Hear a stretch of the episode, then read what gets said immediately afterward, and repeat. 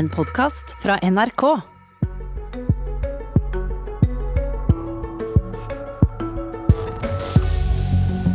Når eh, LO har klare forventninger til eh, hva politikk en ny regjering skal føre, er det problematisk? Ja, mener Frp, og kommer nok til å bruke sterkere ord enn bare problematisk i Politisk kvarter. Der vi også skal sette lys på det som nesten har gått litt under radaren, nemlig Høyres elendige valgresultat. Men først. Arbeiderpartiet, Senterpartiet og SV sitter sammen i samtaler som blir kalla sonderinger, for å finne ut om det er grunnlag for en ny trepartiregjering. Nå er det mange som formulerer krav og forventninger til de som skal ta over makta. Og det gjør dere definitivt også i LO, der du, Mette Nord, er leder i Fagforbundet. Det er den største organisasjonen i LO, med rundt 400 000 medlemmer, hovedsakelig i offentlige jobber, f.eks. innenfor helse og sosial. Og Forbundet vedtok nettopp eh, sine krav til en ny regjering. Hva er de viktigste? De viktigste kravene det er å hegne om den norske modellen ved å øke fagforeningsfradraget, sånn at vi eh, den norske modellen er en juvel i det norske samfunnet. Eh, og partene eh, sammen er gode på å løse store oppgaver. Så har vi også krav om en styrka kommuneøkonomi det er ikke samsvar mellom overføringer og de store oppgavene kommunene skal løse. Sykehusene i samme situasjon.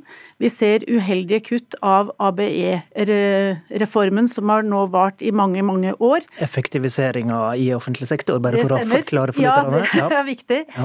Eh, eh, også det er en rekke eh, punkter for å eh, utjevne sosiale forskjeller. Og vi har jo hatt en medlemsundersøkelse tidligere, som har vært veldig entydig på at hovedpunktet deres er eh, nettopp å redusere eh, forskjeller.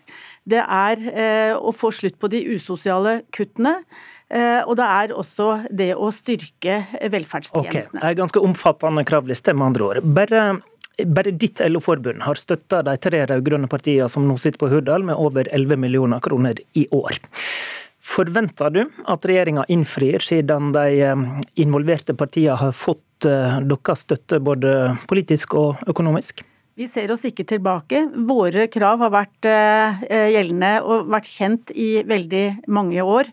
Og vi har også i nesten sagt hvert eneste år ved statsbudsjettet tilkjennegjort vår bekymring for utviklingen av det norske samfunnet. Men forventer du at dine krav blir innfridd all den tid dere har støtta? Nei. Det vi ser er at de tre partiene de har god politikk på de viktigste områdene våre. Og derfor så har vi gått inn i valgkampen med eh, penger. Da forventer det, du vel å bli hørt tilbake? Ja, altså vi forventer at eh, vi får en ny kurs for Norge. Våre medlemmer, 80% av våre medlemmer har eh, sagt at de ønsker en ny regjering. Eh, og det er av de tre rød-grønne partiene. Så det er utgangspunktet når vi har gått inn i valgkamp. Erlend Wiborg, stortingsrepresentant for Frp. Hva er problematisk med det du hører her? Nei, Det at eh, LO har eh, synspunkter og innspill, det er helt uproblematisk. Alle må kunne ha det. Men det som er problematisk, er noe av det som kom frem nå på slutten her. Det er at når LO-familien gir eh, rundt 27 millioner kroner i støtte til Arbeiderpartiet, til tilbake så får de tre plasser i sentralstyret til partiet, altså ledelsen, deriblant Mette Nord. Eh, de får tre plasser i programkomiteen til Arbeiderpartiet. De får lede Arbeiderpartiets valgkomité, og ikke minst så får de være med å utpeke eh, hvordan Arbeiderpartiet skal fordele eh, posisjonene internt i Stortinget. Og når det er sånn at du da på den ene siden gir betydelige penger, og så tilbake så får du da konkrete plasser, konkret makt og innflytelse. Det mener jeg er veldig problematisk. Og Man kan jo tenke, hva hadde vi sittet og sagt hvis dette hadde vært i f.eks. et afrikansk land, at eh, du hadde en organisasjon som ga 27 eh, millioner kroner til ett politisk parti, og så får man dette tilbake. Da hadde man eh, helt klart kalt dette politisk korrupsjon. Og dette er uheldig, og det er skadelig for, eh, for demokratiet at vi har da fagforeninger som, er så, som er ofte er mer opptatt av et politisk partis ve og vel enn av medlemmenes ve og vel. Det, som er, det er absolutt feil. Eh, det ligger ingen eh, bindinger mellom det at LO har plasser i sentralstyret og de posisjonene, og knytta til økonomi. Men så må man jo også ha med seg at Arbeiderpartiet ble også stifta av Eh, nettopp fagbevegelsen. Så er, Det er på en måte et parti som springer ut av det. Eh, når vi sitter i programkomiteen, så er det fordi den kompetansen som LOs medlemmer har, gjennom at vi organiserer fra topp til bånn i privat, offentlig sektor, så har vi altså en veldig god kompetanse på hvordan politikk virker på samfunnet. Eh, det har altså, Og det ligger ingen forpliktelser eller føringer. Vi sitter i mindretall i enhver eh, posisjon og sammenheng. Sånn at dette er innspill som vi bidrar inn med, og som eh, partiorganisasjonen drøfter og diskuterer og gjør vedtak på. Så det er altså å dra dette langt. Og så må jeg jo si at det er ganske interessant, fordi Frp og alle andre partier har også fått partistøtte av enkeltpersoner som får relativt godt igjen for sine bidrag. Og det prøver man på en måte å uh, dysse si ganske godt. Det er veldig, veldig naivt uh, å uh, få tro at når man gir 27 millioner kroner til et politisk parti, så gjør man det av veldedighet. Man har ikke noe baktanke med det, man har ikke et ønske om å få noe gjennomslag. Den går, kjøper jeg rett og slett ikke. Ja, hun, var, hun var jo ja, åpen på at hun ønsker gjennomslag. Jo da, jo, til en viss grad. Men så er det også interessant da, at for Fagforbundet selv har truet tidligere med å kutte denne støtten hvis Arbeiderpartiet ikke gjør som Fagforbundet ønsker. For eksempel, jeg har et konkret eksempel. Det var da eh, Stoltenberg-regjeringen i sin tid eh, kom med pensjonsreformen. Kraftig kutt i pensjonene til bl.a. medlemmene i Fagforbundet. Da var det også trusler fra Fagforbundet i periodevis at hvis ikke man gjorde som vi ønsket, så ville vi gå igjennom og se på partistøtten. og så er Det jo ikke bare... Eh, det er ganske oppsiktsvekkende at du vet mer enn meg om hvordan vi har disponert penger og bakgrunnen for hvorfor vi disponerer penger. Det har aldri, har aldri vært eh, snakk om å true med å trekke partistøtte. Nei, det har det altså aldri okay, vært. Eh, så det, den, det, den historieskrivinga tror ikke vi får oppklart akkurat Nei. her og nå. Men Wiborg, eh, korrupsjon det er en ganske det et ganske voldsomt begrep. og Det betyr jo å gi noen en fordel eh, mot en motyting utenom regelverket. Er ikke, dette her er jo partistøtte som blir vedtatt på landsmøter, skjer i offentligheten. Kravene blir vedtatt på Metenor's landsstyremøte. Er ikke dette egentlig ganske gjennomsiktig og uproblematisk, og det motsatte av korrupsjon? da? Jeg kaller det politisk korrupsjon. Men det som er utfordringen som jeg innledet ja, med, det er at når du gir Jo, men Hvordan kan du forsvare et så voldsomt eh, begrep, da? Jo, når du gir 27 millioner kroner, er landets desidert største bidragsyter økonomisk til politikken, og så tilbake så får du konkrete plasser i lukkede organer i eh, Arbeiderpartiet, så er det problematisk. Og det er jo ikke bare sånn at det er Fremskrittspartiet som reagerer på dette. Det er nede på grasrota i LO-systemet, så er det sterke motkrefter. Tidligere leder av Hotell- og restaurantmedarbeiderforbundet, Eli Lundgren, sa også at vi møtes nesten daglig med innvending ute på arbeidsplassen at LO har for tette bånd til Arbeiderpartiet. Undersøkelser viser òg at deres egne medlemmer reagerer sterkt på denne koblingen. Det er demokratiske prosesser som gjør disse vedtakene. Det er helt åpent. Det er altså fra grasrota og opp i organisasjonene.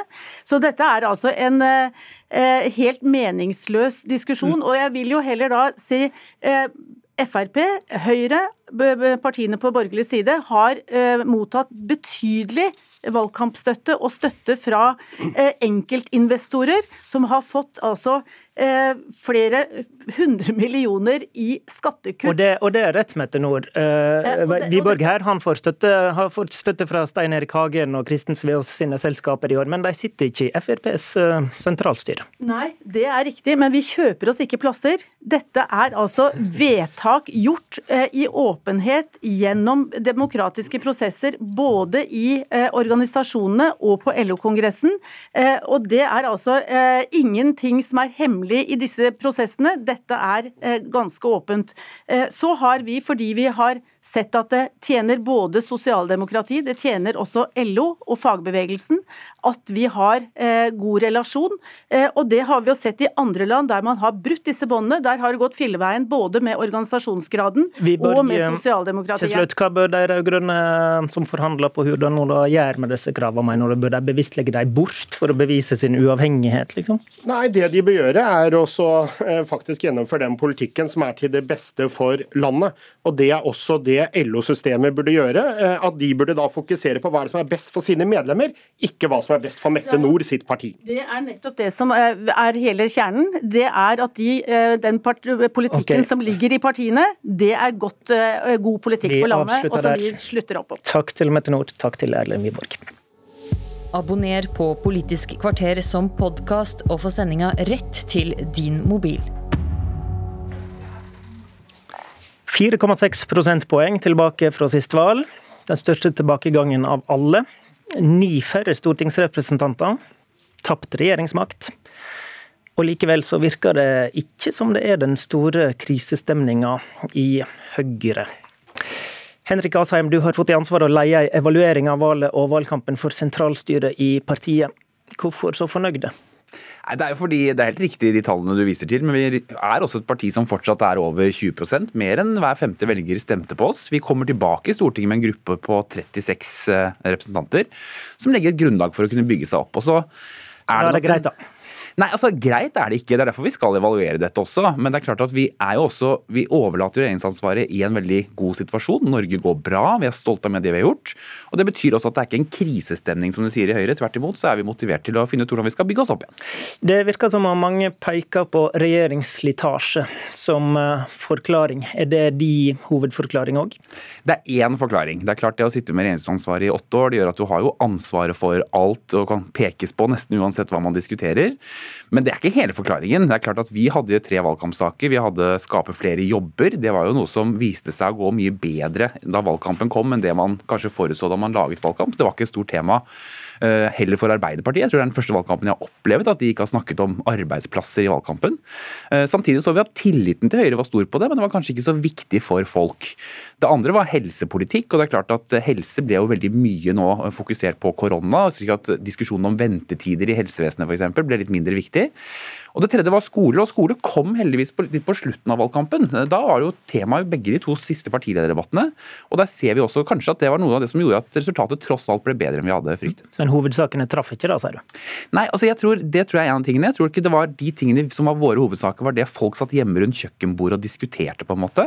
Hva, hva var samtalen ved kjøkkenbordet, da? Nei, jeg tror absolutt at klimadiskusjonen var det. Nå mener jo jeg at Høyre har gode svar på det, men vår hovedvalgkamp handlet ikke om det. Det andre var f.eks.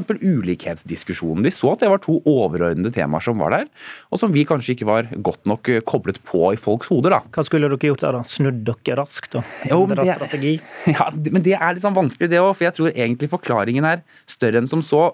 Etter åtte år i regjering så blir man kanskje som parti også ikke flinke nok til det som egentlig er vår suksess, nemlig å ikke bare snakke om liksom, milliarder og bevilgninger og tiltak, men å snakke om de faktiske problemene folk har i livet sitt.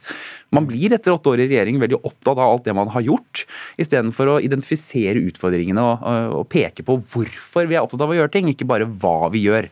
Eh, så, så, det er mange ting vi er nødt til å se på, både på kommunikasjon, men også politikkutvikling. Ja, for det lurer jeg litt på. Skal dere evaluere politikk? Det, for det kan jo hende at det ikke bare handler om valgkamp og kommunikasjon, men at folk syns Høyres politireform, kommunereform og skattepolitikk ikke er den rette? Ja, det kan nok absolutt hende. Så det at Vi er veldig stolte av de reformene vi har gjennomført. så Vi kommer til å være, eh, stå på det. på en måte. Vi skal ta omkamp på mange av de reformene. Men jeg er helt enig med deg. De som evaluerer dårlige valg bare med kommunikasjon, de tror jeg gjør jobben sin for enkel. og Jeg tror ikke de løser mange av problemene. Så vi må jo tenke nå. De neste fire årene, hva er de store utfordringene for Norge? Hvor kommer Norge til å være i 2025? Og hva er Høyres svar på de spørsmålene? Og Da kommer du til å peke på utvikling av ny politikk, rett og slett? Det kommer til å være en kjempeviktig del av det. Og så skal vi samtidig sørge for at den gruppen vi får nå, med en kombinasjon av erfaring og mange nye mennesker, skal bygges opp og være ute i partiet og snakke med folk. Heidi Nordby Lunde har sagt Høyre må spisse seg mer inn mot urbane og liberale velgere, og peker på at de fleste nordmenn bor i by. Har du et poeng? ja, men jeg tror at det er veldig veldig viktig nå at vi ikke blir et parti som må si at nå skal vi velge. Skal vi være partiet for folk i by eller partiet for folk på landet? Høyre som liksom et bredt folkeparti er jo en koalisjon av disse gruppene. og strategi... Ble, ble dere for opptatt av å springe til Senterpartiet?